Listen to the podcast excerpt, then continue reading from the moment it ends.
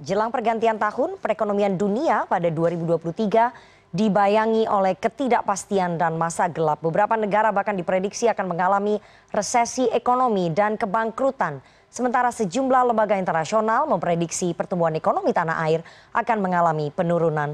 Lalu bagaimana pemerintah indonesia bersiap menghadapi guncangan ekonomi pada tahun 2023 mendatang? Dan untuk membahasnya lebih dalam sore ini kami telah terhubung melalui sambungan zoom dengan menteri koordinator bidang perekonomian republik indonesia erlangga hartarto selamat sore pak menko Selamat sore, Mbak Rifana. Pak Menko, langsung saja ini tahun 2023 diprediksi akan terjadi resesi di seluruh dunia. Apakah Indonesia akan turut terkena imbasnya atau justru sebaliknya Pak, bisa menjadi cahaya? Ya, pertama kalau kita lihat memang proyeksi global tahun depan itu diprediksi turun di 2,7 sampai 3,8 persen. Hmm. Nah ini uh, lebih rendah daripada tahun ini yang diperkirakan uh, sekitar 3,2 persen. Namun kita lihat uh, proyeksi global juga mengenai inflasi yang di tahun ini secara global sekitar 8,8 persen. Itu tahun depan akan sedikit melandai ke 6,5 persen kemudian memang pertumbuhan negara-negara di Amerika itu diperkirakan sekitar satu persen, kemudian di Eurozone setengah persen. China tergantung penanganan COVID, namun dengan mereka sudah mulai berani membuka, itu mereka mengejar uh, situasi pertumbuhan ekonomi, sehingga kira-kira mereka bisa mencapai 4 sampai 4,4.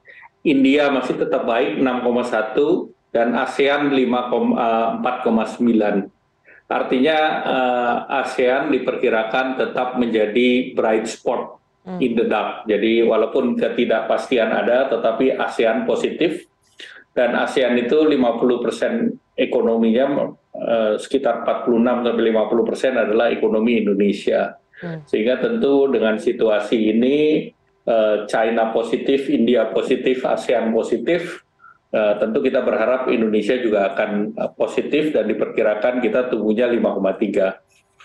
Memang terjadi shock after shock after shock, tetapi itu kemarin sebagian sudah kita lewati di tahun 2020 sampai 2022. Okay. Kita lihat uh, kita bisa punya resiliensi tinggi dan budget defisit yang diperkirakan di tahun 2023 di fast forward ke 2022 kita budget defisitnya sudah di bawah 4 persen, hmm. mungkin sekitar dua setengah persen.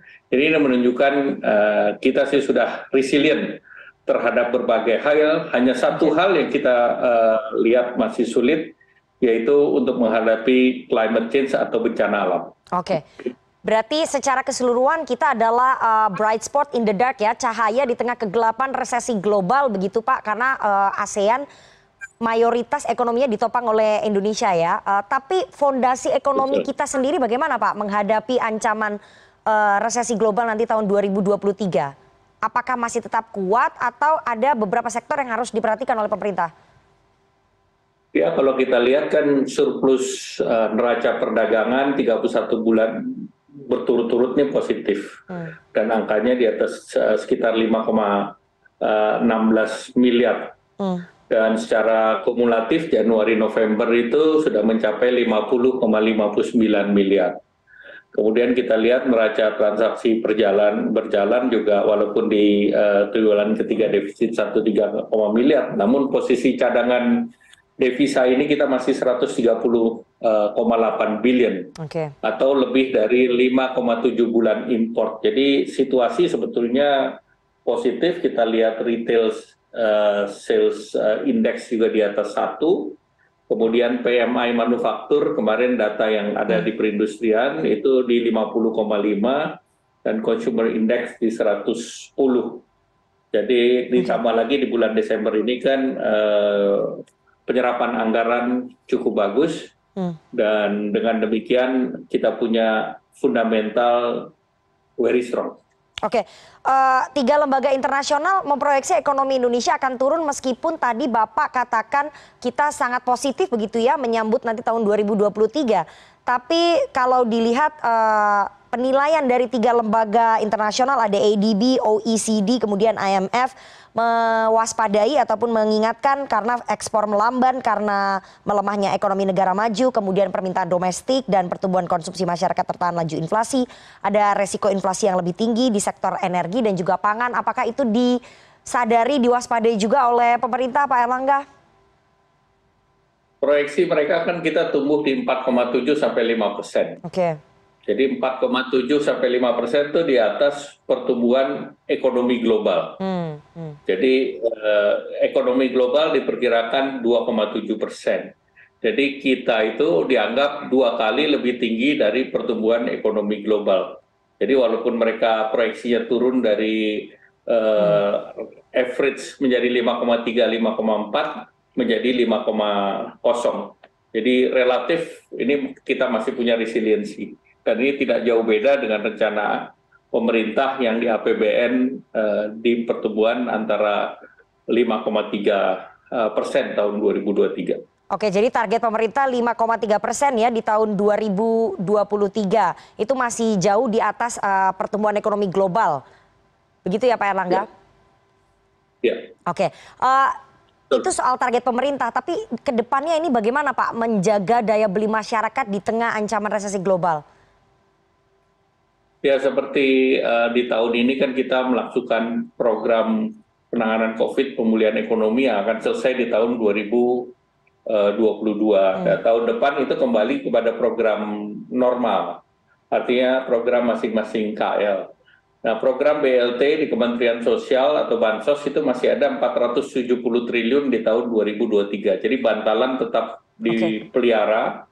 Kemudian pemerintah tentu akan uh, menjaga tingkat inflasi hmm, melalui hmm. tim pengendalian inflasi baik pusat maupun daerah dan tentu pemerintah akan terus menjaga harga pangan antara lain dengan operasi pasar tentu yang kita jaga adalah mendekati Eh, lebaran di kuartal kedua tahun depan. Oke, menahan laju inflasinya akan seperti apa Pak? Langkah-langkahnya dan strategi pemerintah? Selama ini kan pemerintah bisa melakukan uh, operasi pasar, yeah. baik itu melalui Bulog atau Food, food ID, hmm, hmm. dan pemerintah menjaga ketersediaan cadangan pangan. Okay. Dan uh, Bulog sekarang bisa membeli dengan dengan harga pasar dan menjual dengan harga program. Jadi ini sudah Eh, disiapkan dan pemerintah sudah menyiapkan eh, bantalan modal kerja untuk bulog dengan kredit yang lebih rendah daripada kredit komersial. Oke, jadi masyarakat uh, kemudian di tahun 2023 tidak perlu khawatir apakah kemudian lapangan kerja akan tetap uh, banyak tercipta atau justru uh, perlu diwaspadai dan juga berhati-hati Pak di situ? Kalau kita lihat ekspor masih relatif kuat okay. termasuk uh, garment dan apparel. Jadi waktu saya di Eropa ketemu dengan asosiasi, memang hmm. terjadi hmm. den ataupun penurunan sedikit, tetapi outlooknya tetap positif dan uh, mereka memperkirakan demandnya masih tinggi. Hmm. Tetapi hmm. tentu kunci kuncinya kita harus meningkatkan uh, produktivitas.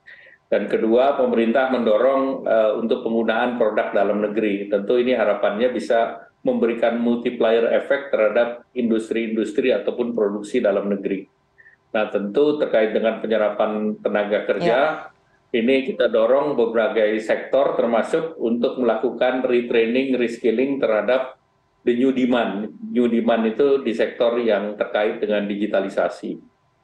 Oke, tapi di satu sisi Pak, eh, sektor-sektor digitalisasi ini banyak yang kemudian melakukan PHK Pak apakah ini kemudian juga sudah disadari oleh pemerintah dan bagaimana kemudian strategi dari pemerintah untuk mencegah lebih banyak lagi phk massal yang diberlakukan oleh perusahaan-perusahaan yang terdampak uh, resesi global nanti ke depannya Pak? Ya pertama perusahaan-perusahaan yang sebelumnya itu ada hype untuk digitalisasi yang uh, perusahaan startup yang tentu berbasis market share hmm. ini hmm. harus kembali kepada basis kepada basis dari bisnisnya itu sendiri, yaitu uh, profitabilitas dan sustainabilitas. Jadi ini ada waktu untuk melakukan koreksi. Okay. Nah tentu uh, Indonesia mendorong bahwa dalam situasi seperti ini Indonesia itu menjadi salah satu negara yang mendapatkan perhatian terutama pasca G20 kepercayaan internasional terhadap Indonesia itu meningkat. Okay. Nah ini yang harus kita tangkap karena kepercayaan tinggi ini harus didorong oleh uh, mereka yakin untuk melakukan investasi di Indonesia. Nah salah satu yang mereka selalu menjadi perhatian adalah terkait dengan nilai daripada uh, bagaimana menjalankan bisnis di Indonesia. Hmm. Oleh karena itu konsentrasi pemerintah tahun depan adalah memperbanyak uh, perjanjian perdagangan hmm. seperti SEPA. Karena dengan SEPA itu biasanya dunia usaha melihat kalau kita sudah punya umbrella agreement dalam bentuk SEPA, nah itu pengusahanya sudah melihat bahwa mereka akan terproteksi dan sistem value daripada perekonomian, transparansi, fair ekonomi, green ekonomi itu sudah sama sehingga mereka tinggal masuk untuk investasi. Nah, pemerintah punya salah satunya adalah uh, tentu kita sedang mulai dengan RCEP di mana RCEP itu juga salah satu ekonomi besar yang kita akan terus uh, integrasikan. Ya. Kemudian juga pemerintah mendorong perundingan SEPA yang sudah tujuh tahun hmm. ini untuk segera diselesaikan dalam waktu 6 sampai 12 bulan ke depan kemudian pemerintah juga dengan Amerika Serikat sedang bicara mengenai Indo-Pacific Economic Framework, okay. sehingga ini yang memasukkan kepada tujuh negara G7. Nah, tentu dengan semua ini kita bisa selesaikan, dianggap Indonesia sudah menjadi bagian daripada value yang mereka terapkan. Oke, uh, pemerintah tampaknya sudah sangat siap sekali membuat proteksi terhadap investasi yang akan masuk ke tanah air, tapi bagaimana dengan proteksi sektor-sektor yang rentan sekali Pak terdampak eh, resesi global ini, sektor-sektor seperti garment, kemudian tekstil, ini bagaimana Pak? Garment, tekstil ini kan uh, tentu terkait dengan uh, moving the ladder, jadi kita hmm. tidak berkompet produk dengan yang diproduksi oleh Bangladesh ataupun negara-negara yang murni berbasis kepada labor input. Okay. Nah kita harus melihat uh, level yang lebih tinggi dan uh, alhamdulillah sebetulnya kita sudah masuk ke level yang lebih tinggi hmm. sehingga tentunya beberapa uh, produk kita itu juga sudah uh, dari segi kualitas cukup baik dan mereka ini ada kebijakan baru di mana mereka minta agar supply chain-nya tidak 100% tergantung daripada China. Okay. Karena dengan lockdown itu kemarin terjadi terganggu. Yeah. Nah, itu akan mendorong bahan bakunya dari Indonesia sendiri. Hmm. Nah, konten dari non uh, China itu diperkirakan hanya uh, Chinanya akan di China-nya akan dibatasi sebesar 20 sampai 30 persen. Nah, ini adalah kesempatan untuk kita untuk menumbuhkan uh, industri industri turunan daripada industri garment dan tekstil. Oke, kita mendapatkan keuntungan ya dari lockdown yang terjadi di Tiongkok begitu. Uh, terakhir Pak Erlangga, apakah pemerintah akan lebih memilah lagi, lebih menyeleksi lagi subsidi-subsidi yang akan diberikan pada tahun 2023 mendatang, Pak? Subsidi dan jaminan sosial terus kita akan jaga dan uh, kita akan buatkan desain untuk subsidi tepat sasaran tetapi memang roadmap-nya pelaksanaannya baru di tahun 2024. Hmm. Seperti subsidi mobil listrik itu bagaimana Pak? Apakah kemudian tahun 2023 nanti akan di uh, review lagi, akan ditinjau ulang untuk dialihkan ke subsidi yang lebih prioritas begitu? Pertama, subsidi mobil listrik itu adalah subsidi kepada renewable energy hmm. dibandingkan dengan fossil fuel nah sekarang kita tahu dalam semua pembahasan internasional sudah diminta agar uh, pengalihan subsidi uh, fossil fuel kepada renewable energy. Nah, salah satunya adalah di uh, subsidi bukan subsidi kita sebutnya, insentif untuk mobil listrik. Yeah, yeah. Nah, insentif ini diberikan kepada konsumen.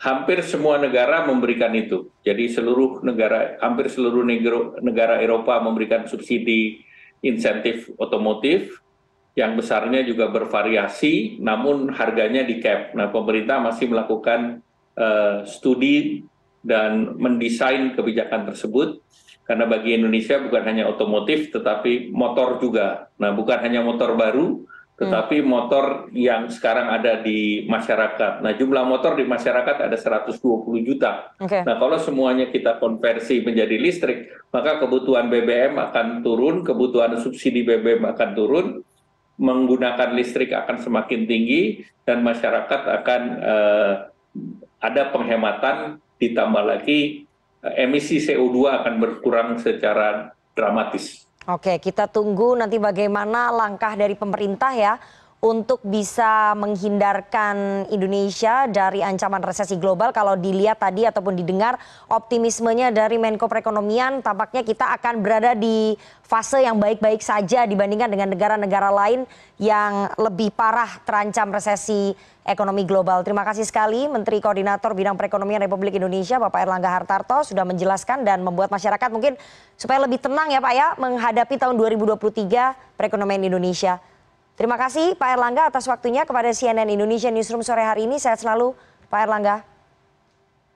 Terima kasih, salam sehat Mbak Rifana.